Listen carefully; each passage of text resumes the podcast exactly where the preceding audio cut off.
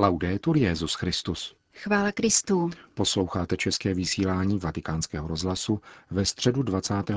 června.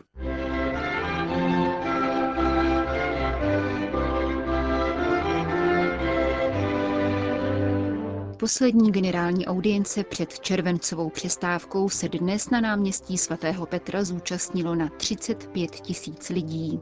Přibližně 2000 nemocných sledovalo audienci na obrazovkách schromáždění v nedaleké aule Pavla VI., kam papež František přišel každého osobně pozdravit před jejím zahájením.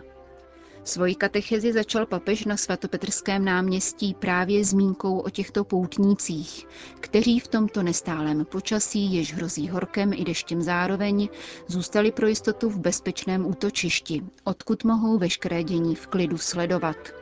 Modleme se dnes zvláště za tyto nemocné. Vyzval František přítomné a navázal pak na cyklus katechezí o církvi, který zahájil minulý týden. Cari fratelli e sorelle, buongiorno. Dobrý den, drazí bratři a sestry.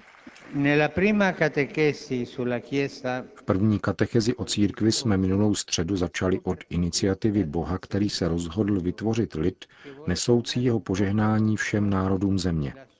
Začíná u Abrahama a potom s velkou trpělivostí, které má Bůh velmi mnoho, připravuje tento lid starou smlouvou, až z něj v Ježíši Kristu učiní znamení a nástroj jednoty lidí mezi sebou i s Bohem. Dnes se budeme zabývat tím, jaký význam má pro křesťana příslušnost k tomuto lidu. Budeme mluvit o příslušnosti k církvi. Noi non siamo isolati, non siamo cristiani a titolo individuale. Nejsme izolováni a nejsme křesťané z titulu jednotlivce, každý na svůj vlastní účet. Nikoli. Naší křesťanskou identitou je příslušnost. Jsme křesťané, protože patříme k církvi. Je to jako příjmení. Pokud jméno zní jsem křesťan, příjmením je patřím k církvi. Je krásné vnímat, jak je tato příslušnost vyjádřena také ve jménu, které Bůh dává sobě samému. V odpovědi, kterou dává Mojžíšovi v nádherné epizodě s hořícím keřem, se totiž definuje jako Bůh otců. Neříká, já jsem všemohoucí, nýbrž, já jsem Bůh Abrahamův, Izákův a Jakubův. Takto se Bůh zjevuje jako Bůh, který uzavřel smlouvu s našimi otci, zachovává věrnost této smlouvě a volá nás, abychom vstoupili do tohoto vztahu, který nás předchází. Tento vztah Boha s jeho lidem předchází nás všechny, pochází z oné doby. Myslíme proto nejprve s vděčností na ty, kteří nás předešli a kteří nás do církve přijali. Nikdo se nestává křesťanem sám od sebe. Je toto jasné? Nikdo se nestává křesťanem sám od sebe. Křesťané nevznikají v laboratoři. Křesťan je součástí lidu, který přichází z daleka. Křesťan patří k lidu, který se jmenuje církev. A církev jej činí křesťanem v den křtu a potom během katechezí a tak dále. Nikdo se však nestane křesťanem sám od sebe. Věříme-li, umíme-li se modlit, známe-li Pána a nasloucháme-li jeho slovu, cítíme-li jeho blízkost a rozpoznáváme-li jejich bratřích, pak proto, že jiní před námi žili víru a potom nám ji předali. Víru jsme dostali od svých otců, svých předků a oni nás víře učili – Zamyslíme-li se nad tím, kolik nám drahých tváří se nám v této chvíli vybaví. Mohou to být tváře našich rodičů, kteří pro nás žádali křest, našich prarodičů nebo dalších příbuzných, kteří nás učili znamení kříže a prvním modlitbám. Já si stále pamatuji tvář řeholní sestry, která mne učila katechismus. Stále se mi vybavuje. Ona je zajisté v nebi, protože je svatá žena. Stále si ji pamatuji a děkuji za ní Bohu. A nebo je to tvář faráře či jiného kněze nebo sestry, katechety, kteří nám předávali obsah víry a umožnili nám růst jakožto křesťanům. Toto je církev. Velká rodina, do níž jsme byli přijati a v níž se učíme žít jako věřící a učedníci Pána Ježíše. Tuto cestu můžeme žít nejenom díky jiným lidem, ale společně s ostatními lidmi. Církvi neexistuje nějaké udělej si sám. Neexistují soloví hráči. Kolikrát jen papež Benedikt popisoval církev jako církevní my.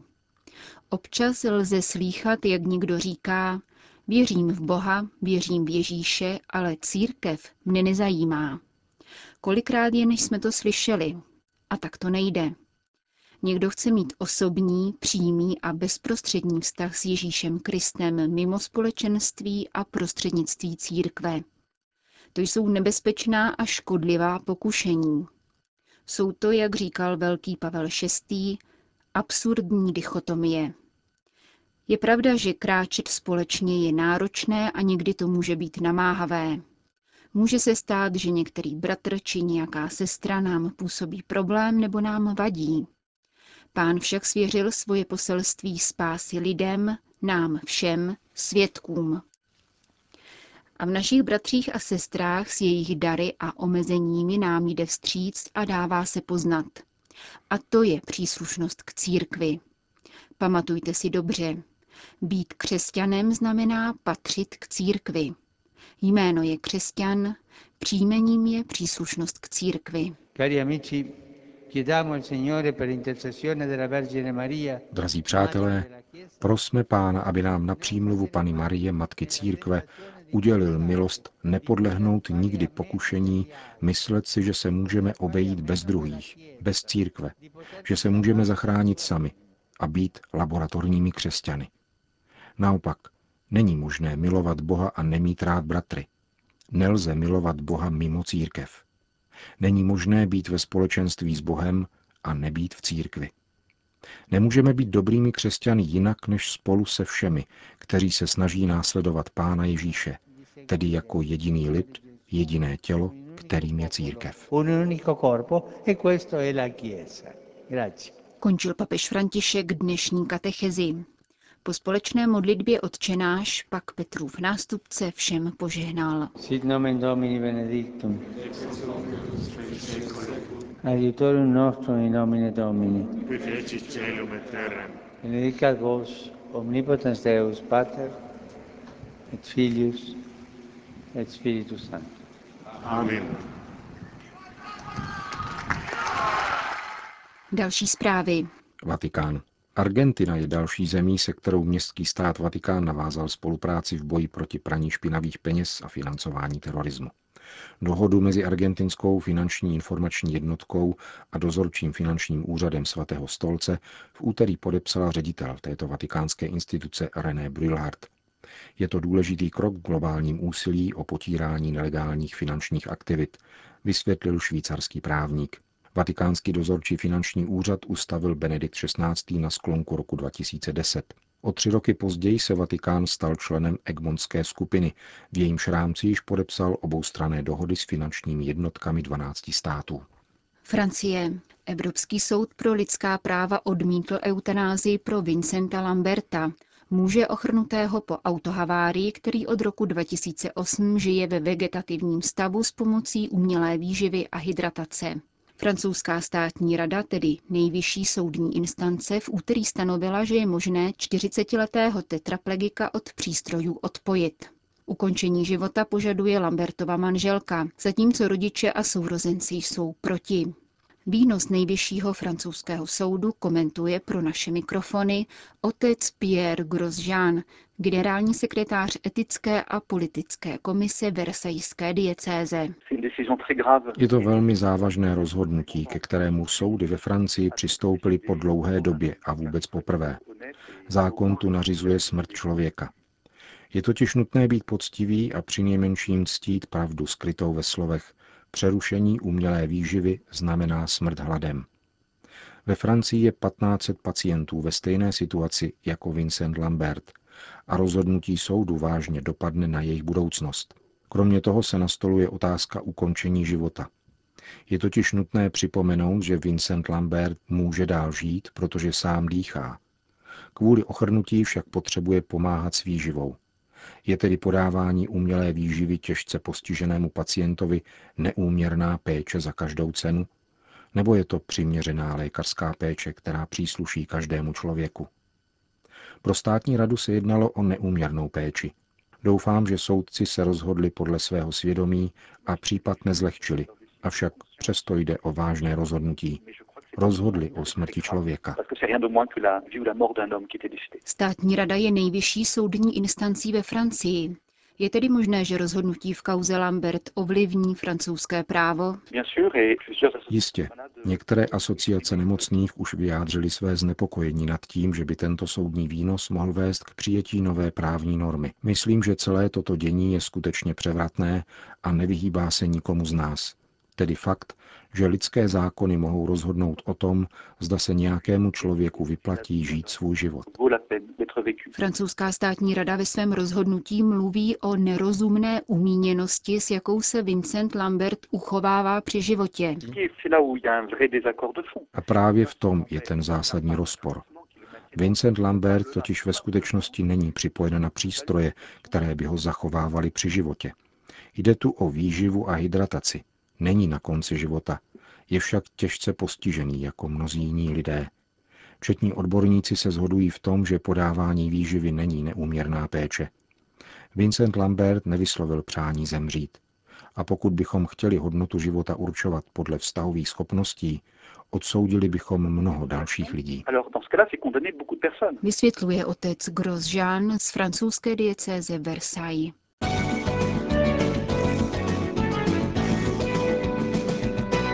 Pákistán. Jako historický krok definuje dnešní vydání vatikánského listu Osservatore Romano výnos nejvyššího pákistánského soudu, kterým zavazuje vládu k ustavení Národní rady pro práva menšin. Tato nezávislá státní organizace by měla sledovat životní podmínky etnických i náboženských menšin a monitorovat případy násilí a diskriminace. Rozhodnutí se týká samozřejmě také křesťanské menšiny, ve které pouze za loňský rok zemřelo násilnou smrtí 81 lidí. Soudní výnos však jen opatrně komentuje katolík Paul Batty, který vede Združení pákistánských náboženských menšin. Rozhodnutí hájit menšiny je dobré a je nadějný také zásah nejvyššího soudu, který dosud nikdy nezaujal žádnou pozici. To je tedy pozitivní aspekt. Myslím si však, že Pákistán s veškerým násilím, nenávistí a extrémismem by dnes vyžadoval úplně jiný zásah. Pohybují se tu totiž jedinci, kteří vyrůstají v určitých prostředích a žijí jen proto, aby zabíjeli a umírali. I kdybychom kolem kostelů postavili 50 tisíc vojáků, nebudou stačit, dokud nevytěsníme onu mentalitu, onu fanatickou ideologii, která v Pákistánu den ze dne narůstá. Vymývají se tu mozky a probouzí nenávist vůči všem lidem, kteří této ideologii odporují. A proti tomu by vláda a nejvyšší soud měli zaujmout stanovisko. Jsem pevně přesvědčen o tom, že změna v Pákistánu nastane pouze změnou vzdělávacího systému a výchovy vůbec. Dokud to neuděláme, budeme stále zápasit s ideologií, která je nebezpečná nejenom pro menšiny, nýbrž pro celý Pákistán. V Pákistánu se množí falešná obvinění z blasfémie a také v těchto kauzách vláda nezasahuje. A to mnohdy navzdory zcela zřejmým důkazům, dodává Paul Batty. Extrémním případem je už pětileté věznění matky pěti dětí Ázie Bibi, odsouzené k smrti za údajné rouhání proti proroku Mohamedovi. Její advokáti právě dnes podali u vrchního soudu v Lahore žádost, aby okamžitě stanovil termín odvolacího soudního řízení. Odvolací soud z Ází Bibi byl letos již pětkrát odročen, zdůraznili právníci pro agenturu Fides. Podle obhájců není pakistánská žena v dobrém fyzickém a psychickém zdravotním stavu a navíc je naléhavě nutné, aby se mohla vrátit ke svým dětem. Jak vyplývá z informací lokálních zdrojů, islámští integralisté vyvíjejí tlak na soudce, aby v procesu nepokračovali, uvádí zpravodajská agentura Fides. Končíme české vysílání vatikánského rozhlasu. Chvála Kristu. Laudetur Jezus Christus.